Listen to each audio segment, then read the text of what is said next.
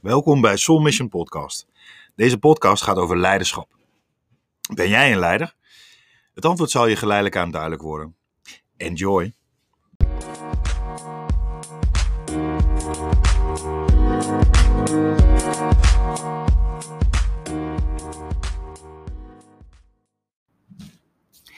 Welkom bij weer een, eh, nieuwe podcast van Soul Mission. Fijn dat je luistert. Mijn naam is Claudette. En mijn naam is Ralf. En vandaag gaan we samen een dialoog houden. En een dialoog die gaat over leiderschap. En waarom specifiek leiderschap? Nou, het is een mooi vervolg van zichtbaarheid, waar we het de vorige keer over hadden. En nou, mijn eerste vraag aan jou: wat is leiderschap voor jou? Leiderschap is voor mij, ehm, ja, wat, wat je net eigenlijk ook al zei, is zichtbaarheid. Dus ben je zichtbaar in hetgene wat je wil en waar je naartoe wil en durf je jezelf te laten zien. Dus eigenlijk ben je leider over jezelf. Ehm, en hoe doe je dat ook weer met anderen? Uh, leiderschap is ergens dat je een richting op wil, of je hebt een bepaalde drive in jou, of je wilt ergens uh, gehoor aan geven. Mm, maar doe je dat? Of doe je dat niet? En dat is voor mij ook leiderschap. Ja, het is interessant, hè? het hele woord al um, leiderschap, het leiden. En van waaruit leid je? Dat vind ik meestal de meest intrigerende vraag. Leid je vanuit ego, dus externe bevestiging, en gezien en gehoord worden? Of leid je vanuit je intuïtie? En leiden vanuit je intuïtie betekent ergens ook dat je uh, je durft te laten leiden door het onbekende. Ja, want het kent nog geen definitieve uh, uitslag of stip op, de horizon. Zeker niet als het intuïtie is. Nee. En het verschil, denk ik, in leiderschap, wat je nu steeds meer ziet, is of het uh, leiderschap vanuit ego creëert vaak veel stress bij degene die leidt en degene die het ontvangt. Het creëert een waarheid. Diegene is heel erg overtuigd van hun eigen waarheid. Zo moet het, zo zal het gaan. Dus wat je doet is dat je alles heel erg kadert en afbakent.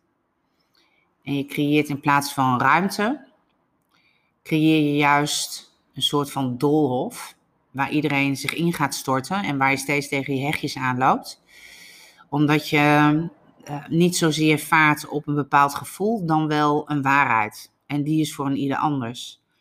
Wat dus ook gelijk zegt van uh, leiderschap vanuit ego is nooit een verbinding die connect. Herken jij dat?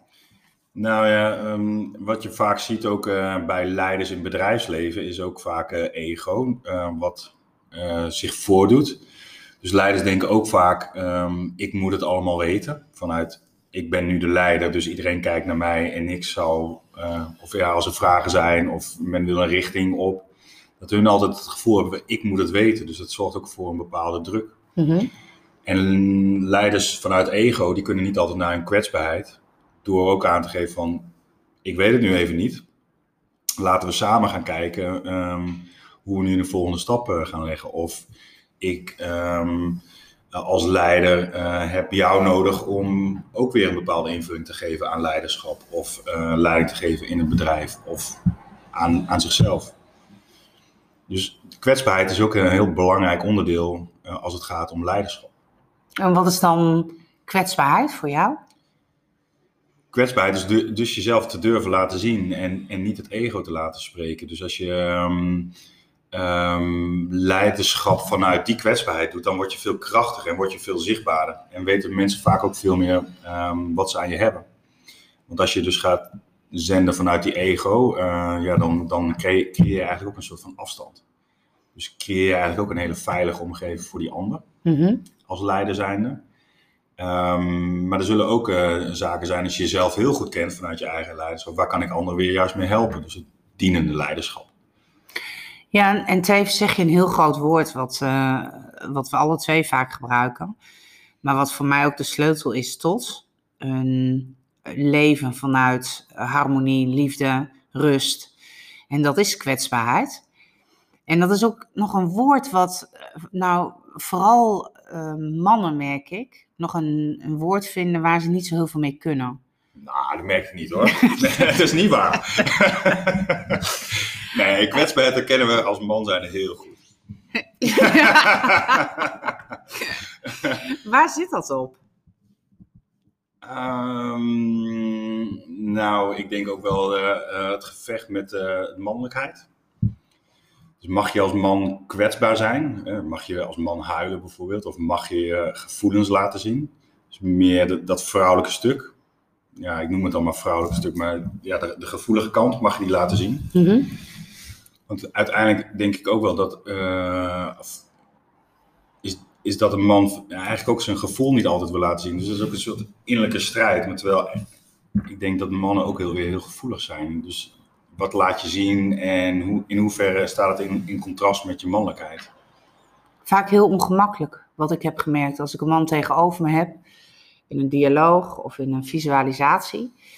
En die komt voor de eerste keer zeg maar echt in aanraking met zijn kwetsbaarheid dat dat zoveel ongemakkelijkheid met zich meebrengt. Ja. Herken je dat? Ja, dat, herken ik zeker. En zeker, uh, ik denk dat een man misschien nog wel iets makkelijker kwetsbaar is naar een vrouw mm -hmm. uh, dan man onderling. En, uh, maar kwetsbaarheid heb je natuurlijk ook als man zijnde niet alleen in je werk, maar ook in je relatie. Hoe laat je daar zien je kwetsbaarheid? Hoe laat je daar je gevoel spreken? Dus ik denk dat uh, dat daar ook leiderschap voor nodig is. Dus durf je daar naartoe te gaan en durf je jezelf helemaal bloot te geven. En um, ik denk dat er in de mannencultuur ook wel in zit van ja, geen mietje te zijn en niet je gevoel te laten spreken.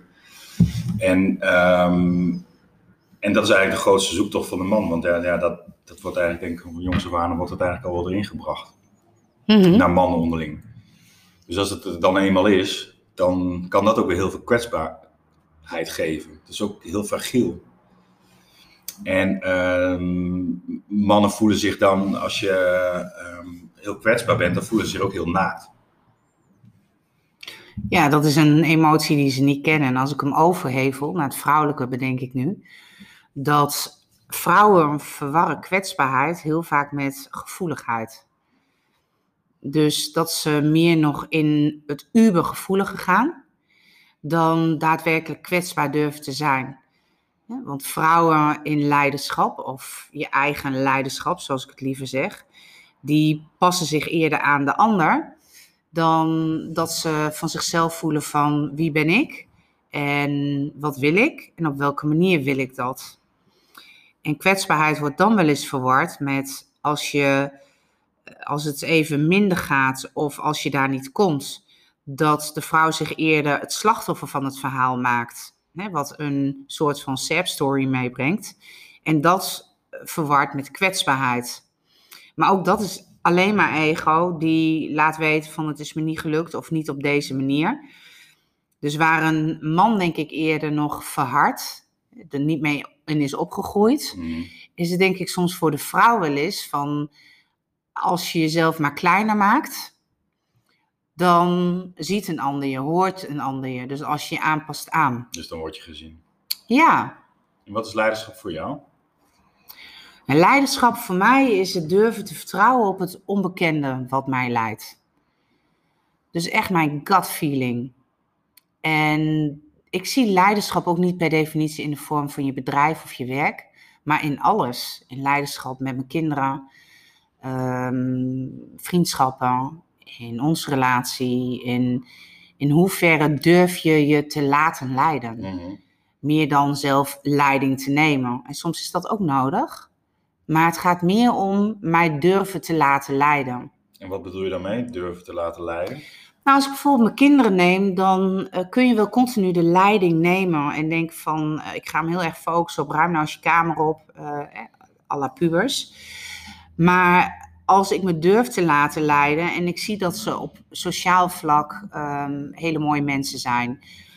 Ik zie dat ze geïnteresseerd zijn, dat ze respect hebben. Dan laat ik mij leiden door het grote plaatje. En neem ik niet de leiding in wat mijn ego denkt dat moet of zal gebeuren. Mhm. Want gegarandeerd leidt dat dan weer tot conflicten. En dat is hetzelfde eigenlijk in vriendschappen. Eh, Van wat zie ik echt, wat neem ik waar? En ook in Soul Mission.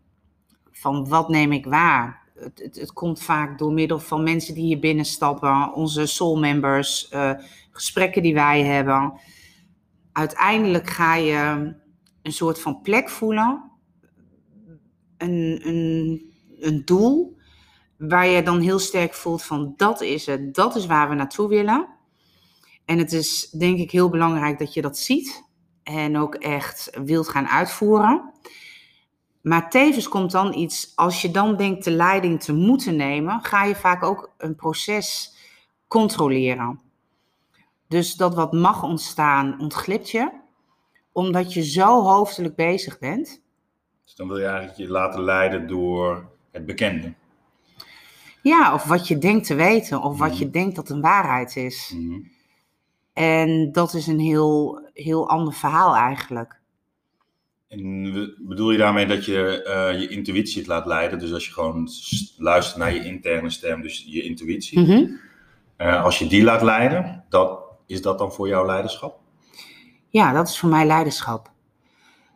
Want als je je stem laat, je, je intuïtie, eh, als je die laat gelden, dan brengt het ook altijd een soort van nieuwsgierigheid mee Mhm. en ruimte. En vervalt heel vaak ego. Hè, van kijk eens wie ik ben, wat ik doe, wat ik hier voor elkaar krijg. Nou, dat ik vervalt altijd, want het is altijd samen. In principe realiseren we maar heel weinig echt alleen. En ik denk dat samen de grootste kracht is voor eh, eh, leiderschap. In principe leidt een ieder op zijn eigen manier. En, en hoe zie je dan leiderschap in man-vrouw? Wil een man, heeft hij van nature denk je altijd de, de drang om te leiden? Ehm, nee, is, is ook niet per definitie zo. Ik denk dat we allemaal iets in ons hebben wat een puzzelstukje van de hele wereld is. Een heeft het zorgzame veel meer in zich. Maar ik denk wel wat jij net zegt ook, is, is de man wordt opgevoed met nog hele harde waarheden. Zoals? Nou, ehm, eh, op een gegeven moment is het niet huilen, kusje erop. En wat jij zegt, genietje zijn, kom op, verman je. Ehm, gevoeligheid, nou, daar groeien weinig mannen mee op. Ook niet veel vrouwen, maar dat even daar gelaten. En een man leert zich dus eigenlijk aan om te verharden. En daar gaat het leiderschap dan ook vaak naartoe, dat het verpakt wordt in een heel mooi jasje. Maar uiteindelijk wel gaat van, maar dit zie ik en zo gaan we het doen. Dat is controle. Dat is heel erg controle. Ja. En wat neem jij dan waar bij de vrouw in leiderschap? Ehm, ehm, ja, dan bedoel je eigenlijk ook die intuïtie, denk ik, of niet? Ja, Ja, of een ander leiderschap? Ik weet Ja. wat jij ziet. nou, ik, ik denk dus ehm, over het algemeen dat vrouwen wel eh, intuïtief zijn. Mhm. Eh, dus het gevoel, zoals je dat omschrijft. Ehm, maar ook heel erg aan het zoeken zijn van hoe kan ik dat eh, in deze hele maatschappij laten zien. Hoe kan Mhm. ik mijn intuïtie ehm, mm, ge- eh, gehoor geven. Dus ik denk dat over het algemeen mannen zijn heel erg, die willen het doen. Mhm. En vrouwen wat langer in de emotie blijven zitten, de gevoel. En daar uiteindelijk door te doen, eh, dan zou je daar vanuit kunnen stappen. Dus dan ervaar je ook weer een volgende stap. Of het onbekende ga je eigenlijk in reizen. Ja, en denk ook niet te vergeten dat het best nog wel een patroon is van zodra de kinderen komen, dat in heel veel gevallen vrouwen daar nog een leidende rol in hebben. Ja. En het nog steeds heel normaal gevonden wordt dat een vrouw minder gaat werken. En daar zit ook een heel groot stuk in. Als een man zich blijft ontwikkelen en blijft gaan, Het doen eigenlijk. Ja, dus Ja. het doen, hè, dat is veel normaler, ik doe. Mhm. Dan heeft de vrouw veel sneller dat de vrouw zich aanpast. Aanpast aan de situatie, dus ook die rol neemt. Die rol pakt. Mhm.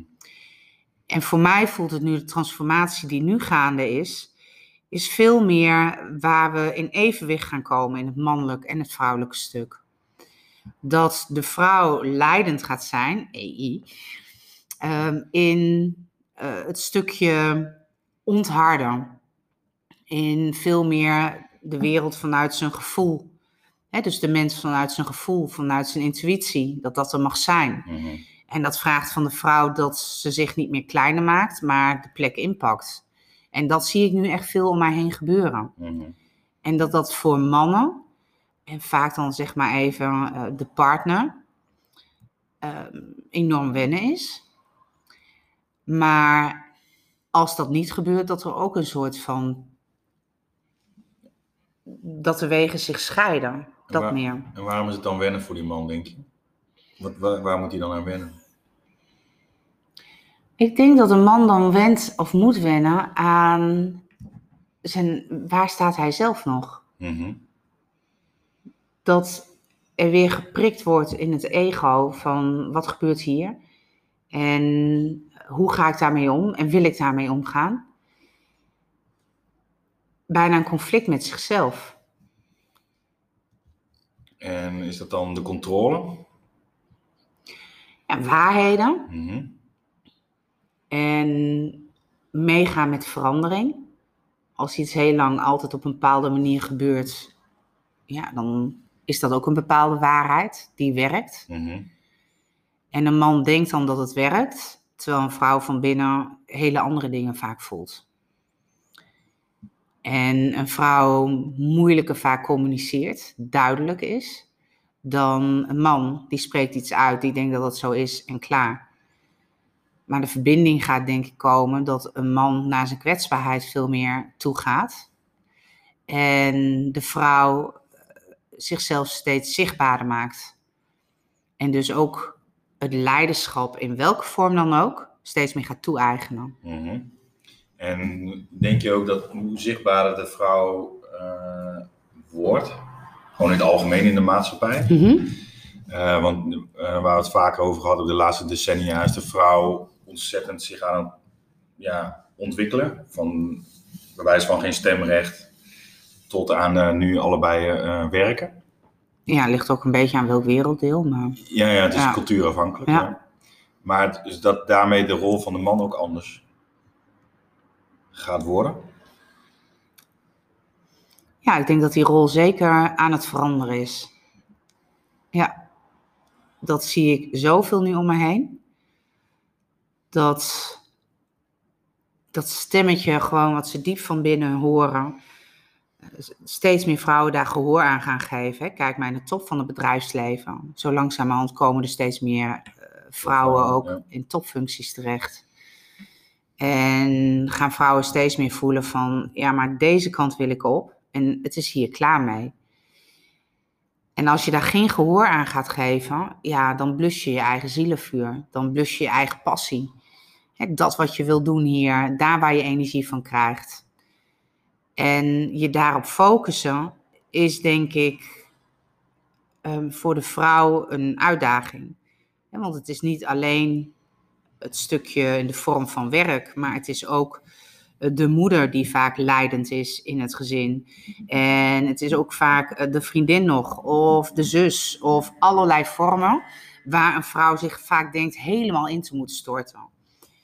En een man vaak veel korter en resoluter is van, ja, nou, dit doe ik, punt. Naar de vrouw. Ehm, denk je?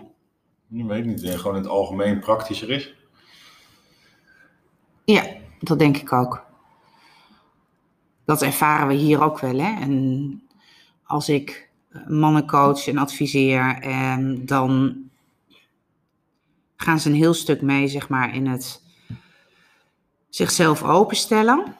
En op een gegeven moment komt er dan toch vaak de vraag van, ehm, heb je tools of weer eigenlijk naar het praktische gedeelte? Mhm. En dat ook heel mooi is. En Mm. dingen zichtbaar maken en tools hebben. En terwijl een vrouw hoor ik die vraag niet of nauwelijks stellen.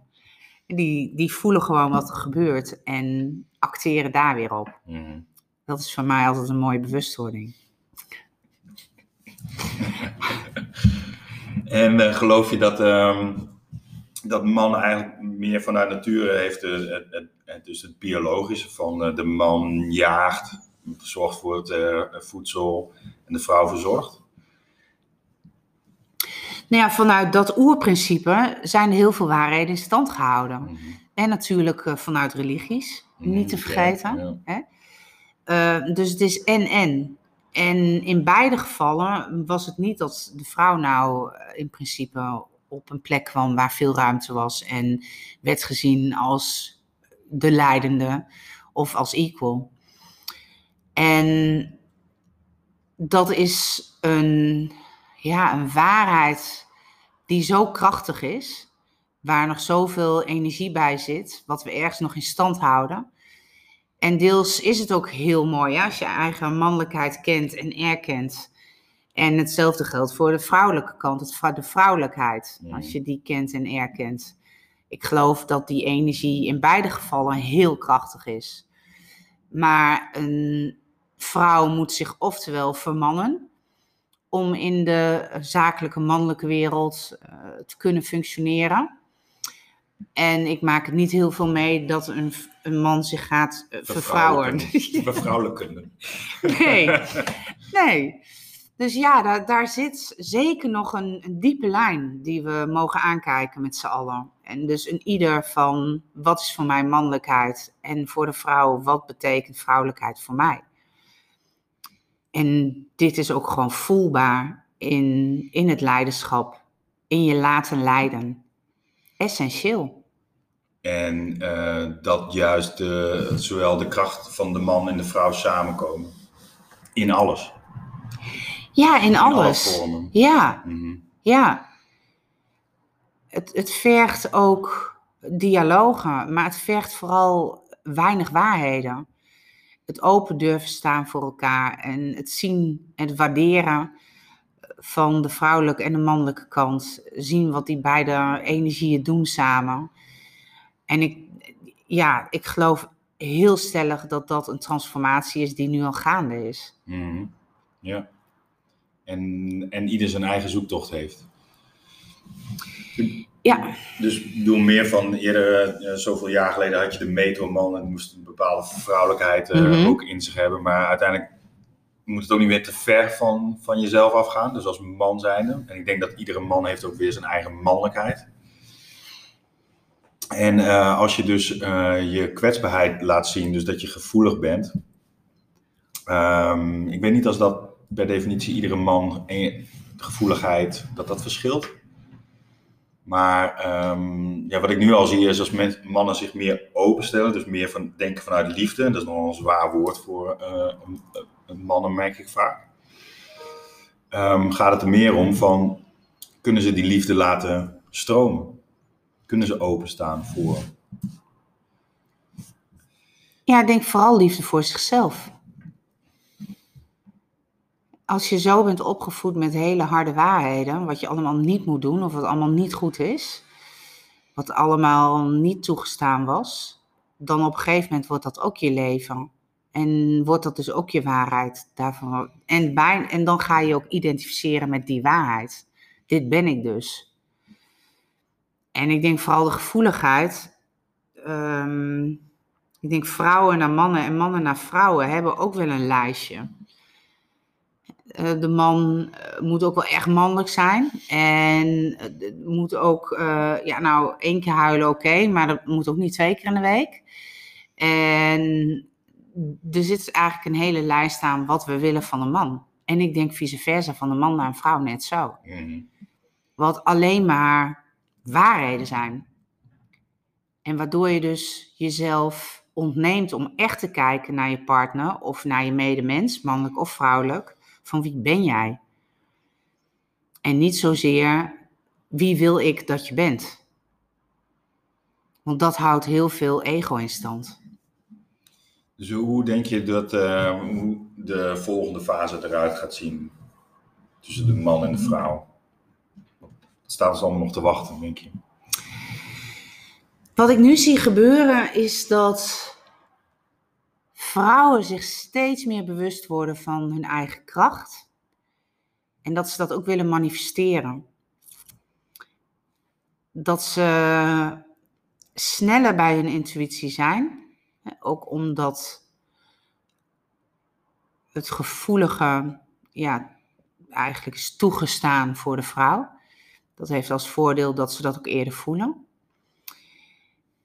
En tevens zie ik ook wel dat steeds meer mannen wel heel graag willen of willen gaan ontdekken of reizen, maar de meesten hebben zoiets, ja, hoe dan? Voelen, hoe dan? Hoe Liefde, ja, en hoe ga ik naar binnen? Hoe ga ik naar mijn intuïtie? Mhm. En hoe werkt dat dan voor mij? In plaats van, ik wil geen sissy worden of ehm, nee, dat steeds meer voelen van ja, inderdaad, als ik geconnect ben met mijn uh, intuïtie, dan gebeuren er hele mooie dingen. Dus daar gaan we naartoe. Dat is al gaande. In die transformatie zitten we al. Neem jij dat ook waar? Uh, ja, ik, ik, ik ben opgegroeid met drie vrouwen, drie zussen en een, en een moeder. Dus ik ken wel daardoor ook de gevoeligheid van de vrouw. Dus inderdaad, wat jij zegt, um, een hele erg sterke intuïtie. Uh, dus dat heb ik eigenlijk ook wel meegekregen. En aan de andere kant mannen ook wel weer de behoefte hebben aan ja, feiten. Waar maak je je keuze op? Of eigenlijk om dat onderbuikgevoel uh, te onderbouwen. Um, maar wat ik vaak meestal meer zie in, uh, in, in, in, trajecten die ik begeleid, is dat mensen als ze in één keer naar hun gevoel gaan en intuïtie gaan luisteren, dan ontstaat er in één keer, gaat er een, een wereld voor ze open. Ja. En denken, wauw, zo kan het dus ook. En dus, eh, als je dus trouw blijft aan dat onderbuikgevoel, of intuïtie, hoe je het maar wil noemen, uh, dan, gaan er heel, dan gaat eigenlijk de magie gebeuren. En vaak uh, werkt het andersom. Van, voor een man is het meer van: uh, ik heb dingen nodig om dat onderbuikgevoel te onderbouwen. Mm En ja, dat, dat, dat, kun je niet onderbouwen. Je voelt het of je voelt het niet. En daar mag je gewoon leren op vertrouwen. En ik denk dat dat nog best wel een, een gevecht is over het algemeen. En uh, in een relatie denk ik dat uh, zowel vriendschappen, mannelijke vriendschappen, maar ook man-vrouw in, in een partnership is het eigenlijk ook van, ja, wie is die man? Kan die heeft hij de vrijheid om zijn mannelijkheid te laten zien? En wordt het ook gewaardeerd door de vrouw? Want ja, we zijn per slotverrekening niet altijd overal hetzelfde. Nee, en vooral nu je dit zo zegt, vanuit je opvoeding word je eigenlijk duidelijk gemaakt wie je gaat zijn als man en wie als vrouw. En je neemt uh, je seksgelijke als voorbeeld. Dus je, oftewel je moeder, oftewel je vader is ergens een voorbeeld in wie je gaat zijn. is dat als je moeder altijd thuis was met een kopje thee en geloofde dat zij die rol moest aannemen, dan wordt dat ook eerst een waarheid. Of je had een moeder die wel altijd werkte en er nooit was, dan is dat ook ergens een waarheid. Ehm, dus je neemt een bepaalde vrouwelijkheid in eerste instantie aan, aan dat wat je te zien krijgt, wat je voorbeeld is. En daar het interessante van is van uiteindelijk dat loslaten en zelf weer gaan ontdekken, maar wie ben ik als vrouw? Wie ben ik? Niet mijn moeder, maar wie ben ik? En dat is denk ik het allergrootste proces. In, in hoe, emotioneel was je moeder of hoe gevoelig of ik geloof ja zeker en je mm. vader um, daar neem je bepaalde dingen van over als je dan bijvoorbeeld naar je vader kijkt bij sommige mannen zie ik heel duidelijk hè, was je vader kort van stof nou 9 van de 10 keer neemt de man het over en was je vader, um, had hij bepaalde patronen hoe hij met mensen omging? Dat wordt ook een, wa een waarheid. Dus is het dan zo dat je um, mannelijkheid en vrouwelijkheid zit dus eigenlijk ook gewoon in je intuïtie? En die mag je dus volgen, los van de waarheden van je ouders of je mensen om je heen. Maar dat je je eigen mannelijkheid of vrouwelijkheid in jezelf vindt? Zeker, ik denk heel groot. Ik denk dat dat een heel groot stuk is. Omdat de vrouwelijkheid naar een bepaalde intuïtie leidt, maar ook de mannelijkheid en het samen volgens mij een, een magische energie is. Ik denk wat wij veel meer mogen leren is om daar vanuit liefde naar te kijken. Vanuit liefde naar sowieso naar je medemens, maar helemaal naar jezelf. En als het daar weer begint te stromen, dan ga je ook anders uh, sowieso met je medemensen om. Maar ik denk ook met het mannelijke en het vrouwelijke stuk. En uh, heb je tips over hoe je als man bij je gevoel kunt komen? Ja, mooie vraag. Wat we altijd doen is allereerst leren vertragen. En met vertragen bedoel ik heel simplistisch, tel van 1 tot en met 10. Want in dat stuk zit vaak je ego al, je hoofd. Die heeft al een antwoord, of die voelt al iets, of die is al de emotie van wat hij heeft gehoord. Als iets irriteert, dan wordt je irritatie. Um, en als je vertraagt en eerst alles stilzet en waarneemt wat er in je lichaam gebeurt, dat is de eerste stap tot voelen. En wat bedoel je dan wat er in je lichaam gebeurt? Nou, weet je, je voelt het wel als je uh, geïrriteerd bent of als je juist gefascineerd bent of enthousiasme. Als je dat waarneemt in jezelf, en ik zeg altijd, je lichaam praat, het gaat ergens door je heen, dan is dat een graadmeter, daar mag je iets mee. Maar als je aan beide kanten de emotie gelijk wordt, dan neemt je ego vaak weer over. En daarmee bedoel ik, um, ehm, 9 van de 10 keer zijn we zo snel dat als we praten, reageren we gewoon met ons hoofd. En als we geraakt worden in irritatie of we voelen ons kwetsbaar, drukken we dat weg, gooien we laag ego over. Pas als je alles gaat voelen, dan laat je ook je intuïtie spreken. Dus mijn tip zou echt zijn: leer vertragen. Leer stiltes in te bouwen met een gesprek. En neem waar wat er in jou gebeurt.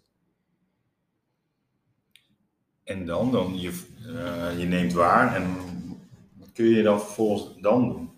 Als je dus dat, je lichaam voelt, je hebt vertraagd. Mm En dan? Nou, dan voel je, eh, en vooral negatieve emoties leiden vaak tot confrontaties of tot, tot meer ego. Conflict. Ja, als je voelt dat er iets binnen jou gebeurt, dat je voelt dat je geïrriteerd of boos of um, waar dan ook in geraakt bent, zoek het niet bij de ander, maar bij, je, bij jezelf. Wat raakt diegene in jou? En als je blijft focussen op degene die jou raakt, dan gaat het ego gaat willen winnen. Dus dan krijg je geen dialoog meer, maar dan krijg je eigenlijk wie is de beste. Het wordt blazen. Precies. En als je leert om te vertragen en jezelf de vraag stelt, wat raak je in mij?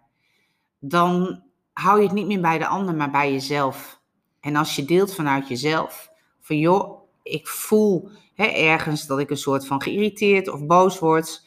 Ehm, dat zegt zeker wat over mij, maar dat levert geen bijdrage aan dit gesprek. Dat, dat zorgt weer voor een stukje kwetsbaarheid, waardoor je ruimte en begrip krijgt voor elkaar. Dus eigenlijk zeg je dus ook, uh, als je dus dat doorvoeld hebt, uh, wat er in je gebeurt, is het dus ook uh, te verwoorden. Dus op tafel te leggen, je kwetsbaarheid daarin te laten ja. zien. En stel een intentie als je een gesprek ingaat. Van de intentie is dat ik jou beter wil begrijpen in dit gesprek. De intentie is dat we ruimte maken voor elkaar. De intentie is dat we nou, samen um, een doel gaan stellen. Dus dan zet je eigenlijk samen al voorop. En geen ego voorop. En dat zet vaak al de toon voor het gesprek wat je gaat voeren. Mm. En dat voelt de ander altijd tegenover je. En is dat trainbaar? Heb je daar tijd voor nodig? Hoe kom je tot dat te doorvoelen? Ja, ik geloof zeker dat dat trainbaar is. En dus ook tijd. Het is um, net zoals je een marathon gaat lopen. Mm De eerste dag dat je schoenen aandoet. Uh, ik heb heel vaak zo'n eerste dag. Dan denk je altijd van, oh, waarom doe ik dit? Maar het is een kwestie van continu die hardloopschoenen weer aan blijven doen. En voordat je het weet, loop je wel een keer 5 kilometer en dan 15 kilometer achter elkaar. Het is niks anders met dit. Je doorbreekt een patroon, eigenlijk het patroon van het ego. En dat heeft tijd nodig, maar vooral bewustwording.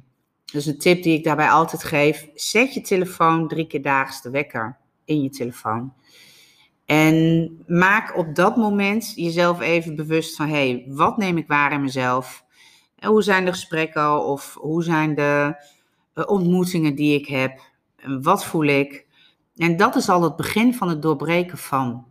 Maak er tijd voor. Zet de tijd stil voor jezelf.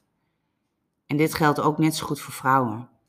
En daarmee geef je ook aan dat je jezelf de tijd gunt. Dus je, je bent niet gelijk, wat, je doorvoelt niet gelijk alles. Of je kunt het niet altijd gelijk verwoorden. Want het is een marathon. Dus je bent niet gelijk de eerste keer dat je je schoenen aantrekt, die 40 kilometer die je uitloopt. Precies. Je mag gewoon eerst uh, een keer 5 kilometer of 100 keer die 5 kilometer lopen als je uiteindelijk maar weer tot de volgende stap komt naar de 40 kilometer. Als je die schoenen maar blijft aantrekken. Mhm. En er komt ook een moment dat je ze aantrekt en na drie stappen ze weer uittrekt. En dat mag ook.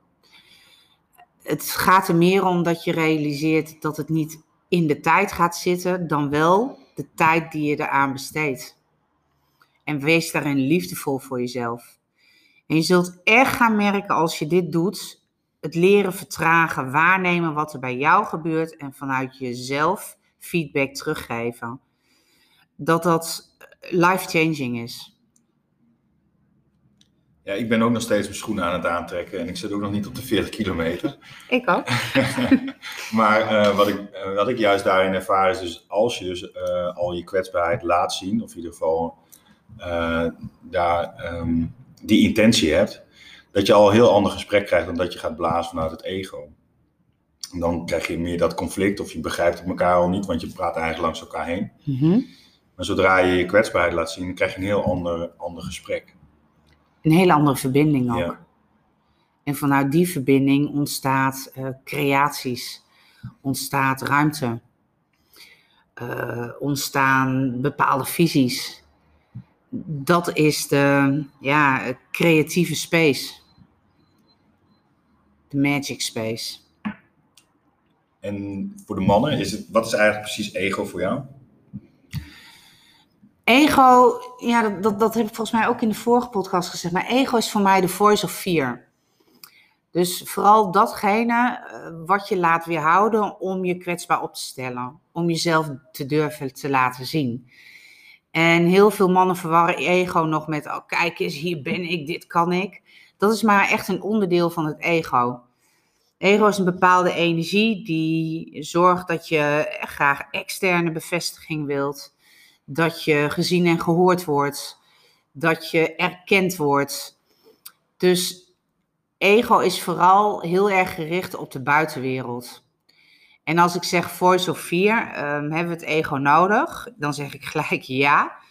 Het is een beetje zo'n vriend waarvan je denkt van, hmm, wat moet ik ermee?